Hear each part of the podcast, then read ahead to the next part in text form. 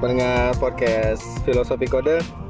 Balik lagi bersama gue Ego Dan kali ini kita ada di segmen Journey to Tech Di mana kita akan ngomongin tentang orang-orang yang dari bukan dari background tech Gimana mereka berakhir ke tech. Dan uh, tujuannya di sini Selain itu kita juga di sini tujuannya bakal uh, ngenalin kalian di dunia tech tuh sebenarnya ada apa aja sih selain developer.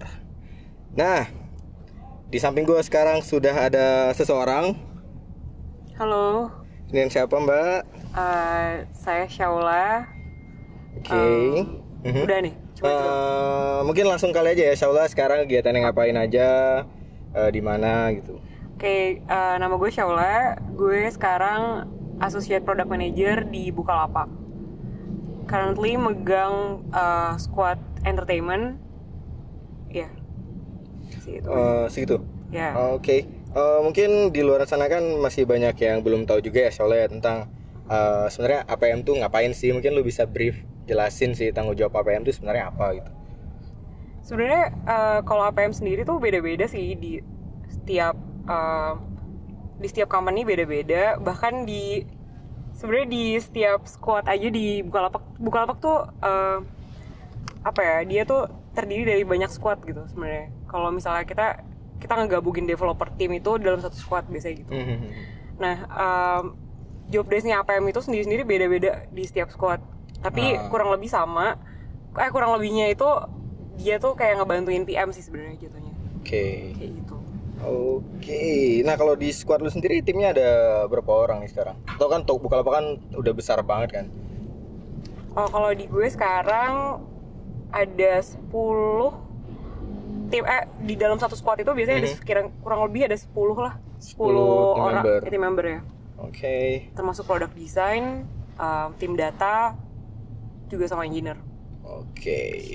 Nah mungkin uh, kalau boleh cerita sendiri skill set yang diperluin untuk jadi PM dan APM berarti sebenarnya basically sama kan skill setnya ya? Iya, Iya, iya. sama. Iya, skill set yang perlu diperluin gitu untuk uh, ketika lu di luar apa ketika lu mau coba, oh gua nih gue tertarik nih kayaknya gue pengen jadi uh, PM or APM kan early starter berarti APM kan. Uh, kira-kira uh, what kind of skill that I need uh, I need to learn gitu before apa sebelum gua join.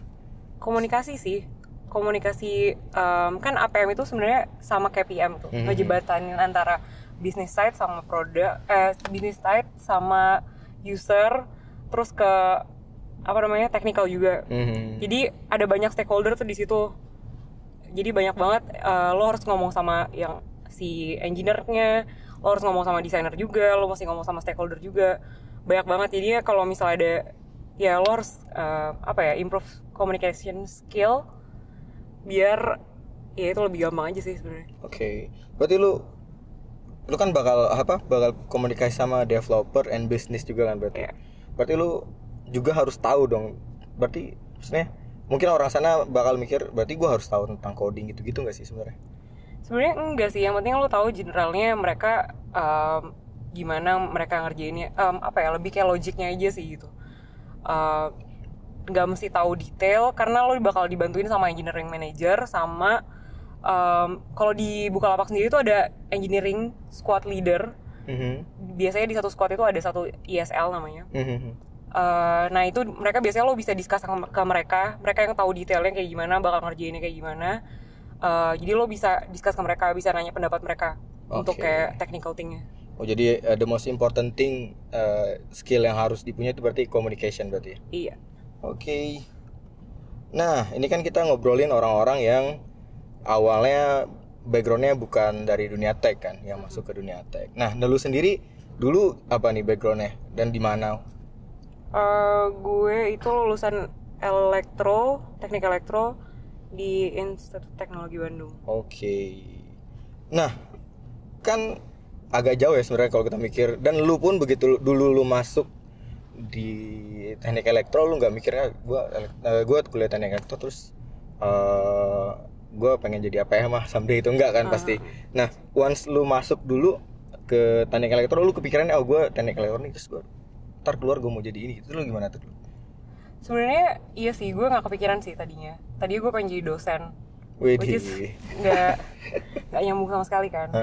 Nah, cuman uh, along the way yang gue pengen lakukan itu adalah lebih kayak nyelesain masalah-masalah orang gitu dan Hmm. dan masuk ke produk itu lo bisa punya channel lah untuk nyelesain masalah orang gitu. Lo bisa membentuk suatu produk di mana produk itu bisa ngebantu orang lain gitu lebih kayak gitu sih Oke.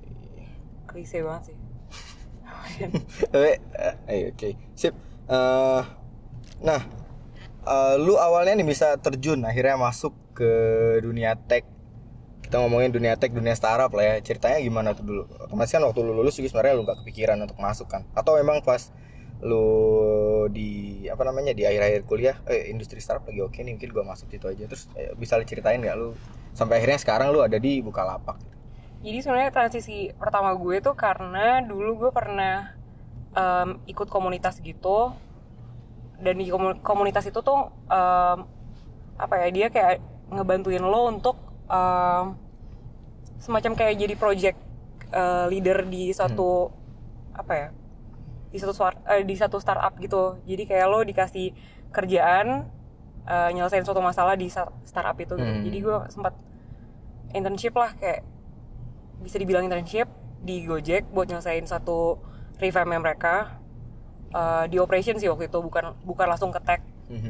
Bener-bener kayak gitu baru di operationnya aja. Eh, terus abis dari situ sih terus gue merasa tertarik aja kayaknya lebih seru aja kayak hidup di dunia startup gitu. lebih bebas juga. Iya sih. terus kayak bisa datang siang. Di main perk of apa kerja di startup kan itu ya. Kita Iya. punya waktu yang fleksibel banget. Terus eh, nah kalau suka duka berarti lu eh, udah join ke startup itu dari tahun?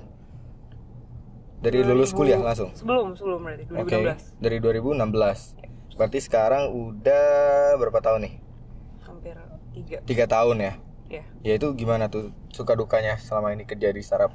Kan mungkin orang kalau di luar sana orang orang-orang corporate gitu ya mungkin gue dulu jadi eh, dari corporate nih gue ngelihat eh, di startup tuh kayaknya ya enak banget itu lu bisa datang siang baju lu bebas tapi kan nggak nggak semudah itu kan nggak yang semuanya itu kadang-kadang eh, nggak yang yang yang kelihatan dari luar itu yang enak-enak aja Pak, yang pasti kan. Eh, ya suka dukanya apa nih selama lu udah ngejalanin kurang lebih tiga tahun di startup? Sebenarnya apa ya suka dukanya ya? Sebenarnya karena terlalu fleksibel jadi sebenarnya em, jam kerja lu tuh nggak jelas sebenarnya. Sabtu minggu lu masih bakal masih digangguin. Terus kayak sebenarnya fleksibel tuh jebakan sih sebenarnya. Kalau misal lo kerja kantoran tuh 7 sampai 5 gitu udah selesai. Habis itu lo nggak bisa nggak usah ngerjain bawa kerjaan ke rumah lagi kan. Cuman kalau di startup ya lo kerja jam 12 bisa sampai besok pagi jam 10 nggak ada yang tahu gitu jadi ya emang fleksibel jadi em, ya itu sih paling beratnya Iya karena jebakan fleksibel itu sendiri ya. bahkan fleksibel itu sendiri sih Betul betul. Ya enak di kita tapi ya kalau tinggal lagi banyak kerjaan juga Kayak ya. lagi numpuk, Iya iya. numpuk ya numpuk. Eh, nah kalau lima tahun ke depan nih dalam bayangan lu sendiri lu bakal ngapain kira-kira? lima tahun ke depan ya hmm belum Belum kepikiran ya. sebenarnya bakal masih terus di produk sih kayaknya masih Masih. ya? Lu enjoy banget dong berarti eh, be- Iya. bekerja as a product. sebenarnya serunya Product adalah lo ketemu orang baru terus sih kalau di produk tuh ya lo uh, one day lagi ngurusin produk A lo bakalan um, dealing with orang-orang yang misalnya lo lagi ngurusin event nih misalnya kayak Hmm. gue sekarang gue bakal dealing sama marketing banyak kayak orang baru lagi sementara dulu gue sebelum di um, event ini gue sempat kerjain tiket uh, bus pesawat gitu Hmm. gue dealing sama partner banyak ya which is beda-beda orang terus kayak um, ya seru aja sih ketemu orang baru ketemu marah-marahin orang gosipin orang gara-gara kayak Waduh. ketemu partner tuh nader ya seru aja sih Oke deh. Nah mungkin eh, buat eh, orang-orang di luar sana yang baru mau masuk nih ke dunia startup lu ada yang mau ada something yang mau lu kasih tau nggak mereka bahwa mungkin eh, to encourage them or mungkin tuh buat malah ngelarang mereka jangan deh gitu. hmm. sebenarnya ya nggak usah takut coba sih coba dulu aja kalau nggak cocok ya tinggal pergi Mumpung masih muda ini ya. iya Yips, dan belum ada belum ada some- something yang bikin bisa apa yang jadi penghalang. Oke deh. Eh, kalau boleh gue recap dari pembicaraan kita tadi berarti intinya skill set yang penting kalau lu mau masuk as a product baik baik ujungnya kan product manager ya produk eh, di keprodakan keprodakan jadi yang paling skill yang paling penting adalah satu communication. Karena lu bakalan jembatanin antara eh, bisnis dan developer. Terus ada lagi nggak mungkin yang mau lu tambahin? Sama ya paling itu tadi problem solving itu sendiri. Soalnya lo um, ya pasti setiap lo ngomong sama orang pasti lo dapet insight. Lo ngomong sama orang satu lagi dapet insight.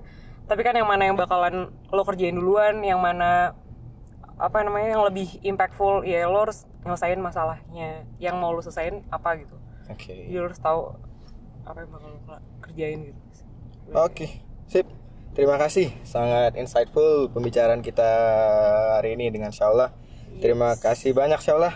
terima kasih juga Oke, oke guys, Eh, gua rasa segitu dulu untuk podcast eh, kita hari ini tentang Journey into Tech. Sampai jumpa di podcast berikutnya. Bye.